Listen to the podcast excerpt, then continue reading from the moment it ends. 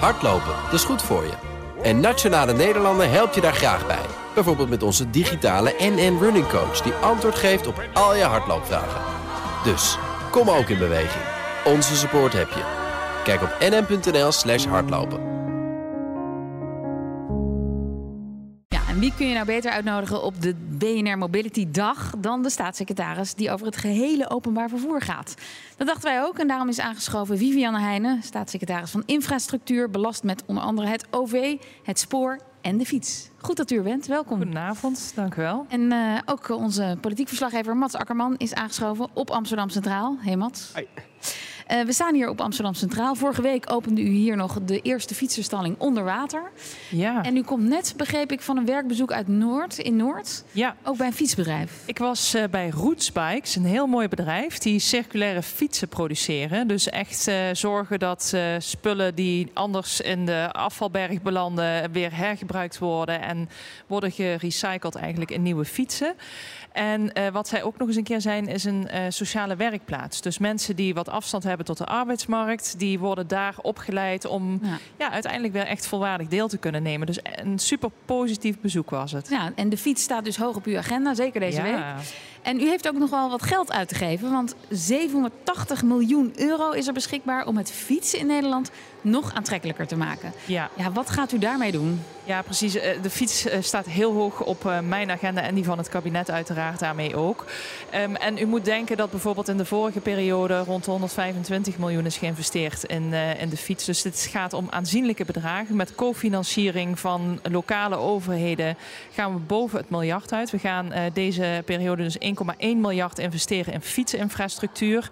Dan moet u denken aan fietspaden, maar bijvoorbeeld ook aan uh, goede uh, fietsparkeerplekken. Hè? Ja. Want um, het is bewezen, daarom waren die investeringen in Amsterdam ook zo goed, dat als mensen op een goede manier hun fiets kunnen stallen in de buurt van het openbaar vervoer, dat ze dan ook ah. veel gemakkelijker die koppeling gaan maken.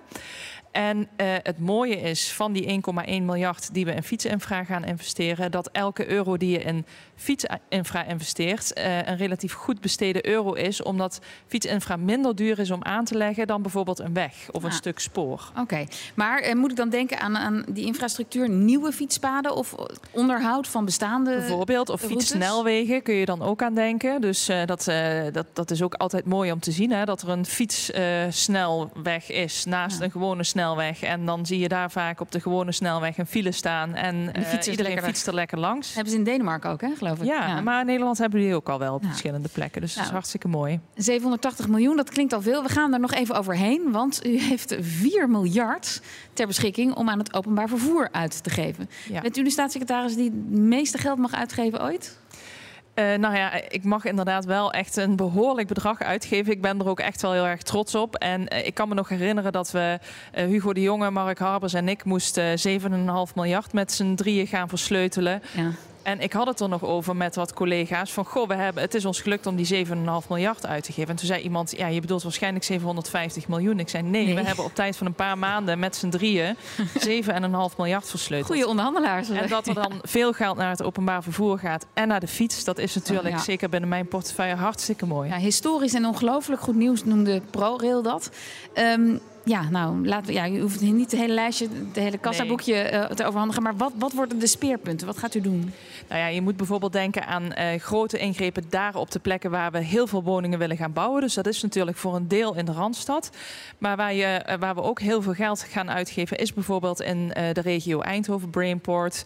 Daar gaat meer dan 800 miljoen naartoe van de totale investering. Waarom eigenlijk? Nou, omdat eh, ook Eindhoven een belangrijke plek is waar eh, heel veel mensen gaan werken eh, en, en al werken en waar heel veel woningen bijgebouwd gaan worden. En het is natuurlijk ook een knelpunt. En wat wij graag willen, dat is dat, ehm, dat is ook de reden waarom we flink in Amsterdam investeren. Want ik kom zelf niet uit de Randstad, zoals jullie wellicht kunnen horen. En ik let ook altijd heel goed op dat er genoeg geld naar de regio gaat. Uh, maar als je um, een ambitieuze treinagenda wil hebben in de buitengebieden, hè, in de regio's, dan moet je bepaalde knelpunten in het openbaar vervoerssysteem oplossen. Ja. En dan is Amsterdam en Eindhoven zijn nu knelpunten die moeten worden ont ontknoopt. Ontknoopt, ja. U zegt, er, er moet natuurlijk veel geld naar de regio. Maar toch, ja, als ik dan u zo hoor... dan zijn het toch wel de economisch lucratieve regio's. En we horen vanuit het oosten van het land... ja, daar worden juist uh, openbaar vervoerslijnen wegbezuinigd. Ja, moet even naar Mas. grappig dat je daarover begint. Want ik, ja, er is inderdaad ook wel wat kritiek op de plannen natuurlijk. Het gaat veel naar nieuwe OV-wegen, naar nieuw te bouwen wijken. Maar er zijn ook wel zorgen om regionale lijnen die mogelijk gaan verdwijnen. Ik sprak vandaag met uh, Haptamu de Hoop van de PvdA. Die maakt zich heel erg zorgen om de regionale lijnen die verdwijnen. Bij sommige maatschappijen één op de drie buslijnen die misschien wel gaat verdwijnen. En dat, uh, ja, dat vindt hij heel zorgelijk. Ik vind gewoon dat iedereen recht heeft op bereikbaarheid van belangrijke voorzieningen, zoals je werk, onderwijs of de huisarts. En die is op dit moment gewoon veruit het laagste met het openbaar vervoer. Dat dreigt groter te worden. En dat betekent dat sommige mensen, vaak mensen met een lage inkomen, mensen die student zijn, die niet die auto kunnen betalen, die hebben gewoon heel veel meer moeite om toegang tot de samenleving te krijgen. En voor sommige mensen betekent het echt gewoon, als er geen bus meer rijdt door je dat, dat ze misschien wel geen baan meer hebben.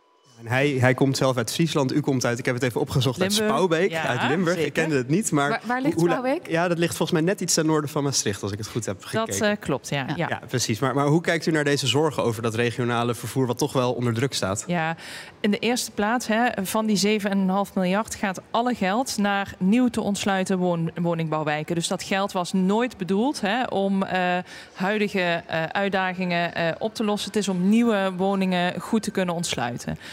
Eh, daarnaast heb ik inderdaad met de Tweede Kamer ook heel regelmatig gesprekken over, nou ja, dat heet dan, eh, wordt vaak vervoersarmoede genoemd. Hè. Ik noem dat zelf eh, liever vervoersongelijkheid, want ik vind het ook heel erg belangrijk dat iedereen op een goede manier naar werk, naar school, naar familie en vrienden kan reizen.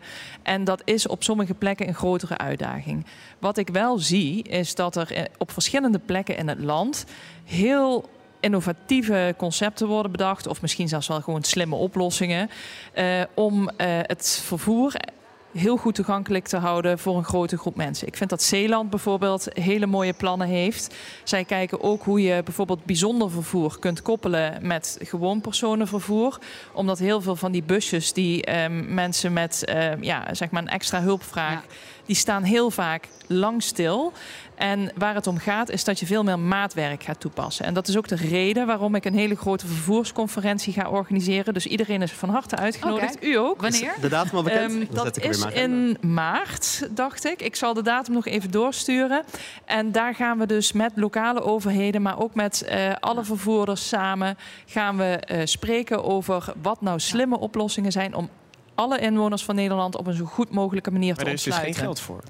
Jawel, er is altijd geld voor. Ehm, maar we moeten wel natuurlijk ook de slimme dingen doen. En ik wil in eerste instantie ook van de regio zelf en van de lokale vervoerders zelf, dat ze alles eraan doen om er voor, zelf voor te zorgen dat ze van elkaar leren, dat ze de slimme dingen doen. En als er dan nog eh, steeds ruimte is voor verbetering, ehm, dan eh, weet ik dat er in de Kamer heel veel draagvlak is ook om te kijken hoe we ervoor Precies. kunnen zorgen dat iedereen op een goede manier naar school, naar werk Ja. en naar familie en vrienden kan Nou, er is dus heel veel geld beschikbaar. Maar Mats, de OV komt, de, de OV-sector komt ook uit een diepe crisis. Ja, ze hebben natuurlijk corona achter de rug. Hè, en er was tijdens corona was er altijd een compensatie. De beschikbaarheidsvergoeding, zeg maar de coronasteun voor het OV. Nou, dat was miljarden. En voor dit jaar gaven OV-bedrijven aan dat ze graag 500 miljoen zouden hebben... om dan die dienstregeling nog overeind te houden. 500 miljoen, ja. 500 miljoen, dus wel een stuk minder, maar nog steeds wel een groot bedrag. Ja, dat is uiteindelijk 150 miljoen geworden. En daarom zijn er wel nu maatschappijen die vrezen... dat daardoor ja, de, de niet zo winstgevende buslijnen bijvoorbeeld verdwijnen. Dus de Ja. hele vroege of de hele late. Ja, Daar, daar pak je dan ook wel weer mensen mee. die- Ja, maar dat zijn ook eh, gesprekken die moet je apart voeren. Wat, eh, wat de sector heeft gevraagd, hè, dat is om hulp om eh, zeg maar de doorstart van corona nog te kunnen maken. Nou heeft het kabinet in principe gezegd, wij geven geen coronasteun meer. Of het nou de zorg is, of de cultuursector, of het openbaar vervoer. Dat doen we niet meer. Maar we hebben als kabinet wel gezien dat, ehm, dat er toch nog behoefte was aan Ja. een transitievangnet, zoals wij dat noemen.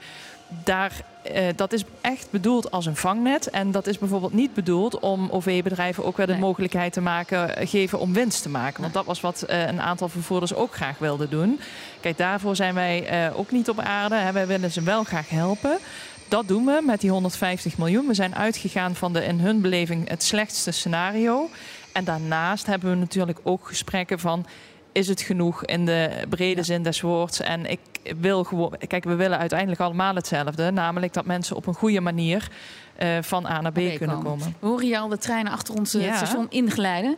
Uh, ik wilde ook nog even naar de zakelijke reiziger met u. Want ja, het OV is nog lang niet altijd een aantrekkelijk alternatief voor de luchtvaart.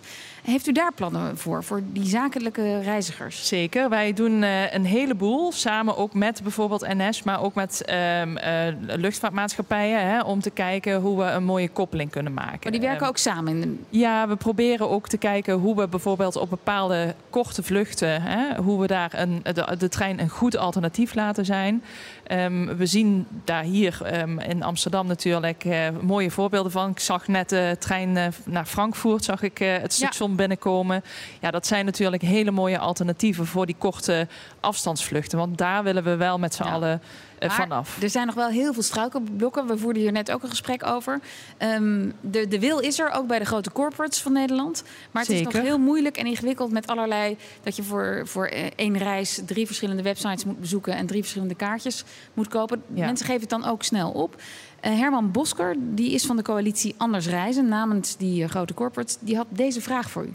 Dus hoe kan de staatssecretaris helpen in de samenwerking tussen vliegen en trein... Ja. om die reizigers centraal te zetten? Ja, we hebben sowieso de actieagenda uh, trein en luchtvaart. Uh, dat is dus die samenwerking tussen bijvoorbeeld Schiphol, maar ook uh, NS, ProRail, mm -hmm. om ervoor te zorgen dat reizigers op een goede manier worden gefaciliteerd en ook dat ze de goede informatie bijvoorbeeld hebben. maar wat het allerbelangrijkste is, is dat we natuurlijk met elkaar ja, uh, ook laten zien dat het een intrinsieke motivatie is om uh, zeg maar niet meer voor korte afstanden. Ja, maar met die, die, motivatie zit het wel goed bij die bedrijven, want die willen allemaal hun, hun eigen ja. werknemers niet meer onder de 500 kilometer laten vliegen. Ja. Maar het is gewoon te ingewikkeld. Nou, ik denk dat dat uh, niet in alle gevallen zo is. Daar waar obstakels zijn, kijken wij ook mee. Hè. Ik denk ook wel dat de markt daar zelf een eigen verantwoordelijkheid heeft. Mhm. Mm -hmm. Maar je merkt bijvoorbeeld ook dat het ticketing systeem, dat is iets wat je ja, natuurlijk in principe niet als overheid zou moeten willen afdwingen. Hè. Dus het zou natuurlijk wel heel erg goed zijn Mhm. mm. als bijvoorbeeld de Nederlandse en de Belgische spoorwegen met elkaar uh, bereid zijn om bepaalde informatie uit te wisselen, waardoor het voor die reizigers steeds gemakkelijker wordt. Nou, en Europa heeft daar ook uh, niet zo lang geleden nog een uitspraak over Ja. gedaan. Hè. De eurocommissaris die ook heeft gezegd van en nu moeten ze wel een beetje gas gaan geven, die vervoersbedrijven ook. En er moet worden toegewerkt naar één Europees ticketing systeem. Ja. Nou, dat gaat helpen. Over, over die eurocommissaris gesproken. Ja, uw, uw collega Piet Adema van Landbouw die had vorige week een beetje ruzie met Europa over het mesbeleid. Uh, u heeft ook een klein, uh, klein ruzietje met Europa over de, de spoorweg, uh, spoorwegen. Die gunt u aan de NS. En dat mag u eigenlijk niet doen van Europa. Verwacht u ook uh, een boze brief op de mat binnenkort? Oh, dat ging over de aanbesteding. Ja, Over die dat, aanbesteding, uh, ja. ik, heb al een boze brief op de mat gehad hè, van de eurocommissaris van uh, mevrouw Valian. En uh, nou ja, daarin gaf ze in niet mis te verstaande bewoordingen te kennen dat um, zij vindt dat we dus de, het, het hoofdrailnet, dat we dat niet rechtstreeks mogen gunnen aan NS. Ik heb daar gesprekken over gehad in de, met de Kamer ook. En wat ik heb gedaan is, ik heb de Kamer ook mijn eigen dilemma geschetst. En ook aangegeven van, nou ja, er zijn een aantal scenario's ja. uh, wat we kunnen doen. Um, ik wil graag dat jullie daarin meedenken. En er was een hele grote meerderheid, ook in de Kamer, die zei: nee, wij vinden dat uh, die concessie voor het hoofdrailnet onderhands gegund moet worden aan, aan NS. De NS ja. Maar bent u niet bang dat er nu teruggefloten gaat worden dan door Europa? Ja, nou ja, ik heb steeds gezegd er zijn twee scenario's. En um, uh, ik denk dat uh, het scenario waarin we een, uh, zeg maar een korte marktstudie zouden doen, hè, marktanalyse, dat dat het minst slechte scenario was. De Kamer heeft aangegeven, wij vinden het scenario waarin we rechtstreeks gunnen, ja. vinden wij het minst slechte scenario. En nou, daar hebben we ook als kabinet naar geluisterd, want de Kamer die, heeft daarin... Dus als er, als er ruzie komt, zegt u tegen de Kamer eigen schuld? Nee, helemaal niet. Zo zit ik niet in de wedstrijd. U kent mij nog niet zo heel erg goed, merk ik. Um, maar ik denk wel dat, uh, dat het belangrijk is dat uh, ik als bestuurder ook de Kamer meeneem in zo'n belangrijk ja. uh, dossier dat um, ja, vrijwel alle ne Nederlandse inwoners aangaat. Ja. Ik ben opnieuw, het... sorry. Ja, nee. Geeft niks ja, Misschien kunnen jullie straks nog even een drankje drinken. Dan ja, gaan we zeker jullie doen. elkaar kennen. Dank voor nu, Viviane Heijnen, staatssecretaris voor Infrastructuur. En politiek verslaggever Mats Akkerman. Hardlopen, dat is goed voor je. En Nationale Nederlanden helpt je daar graag bij. Bijvoorbeeld met onze digitale NN Running Coach... die antwoord geeft op al je hardloopvragen. Dus, kom ook in beweging Onze support heb je. Kijk op nm.nl slash hardlopen.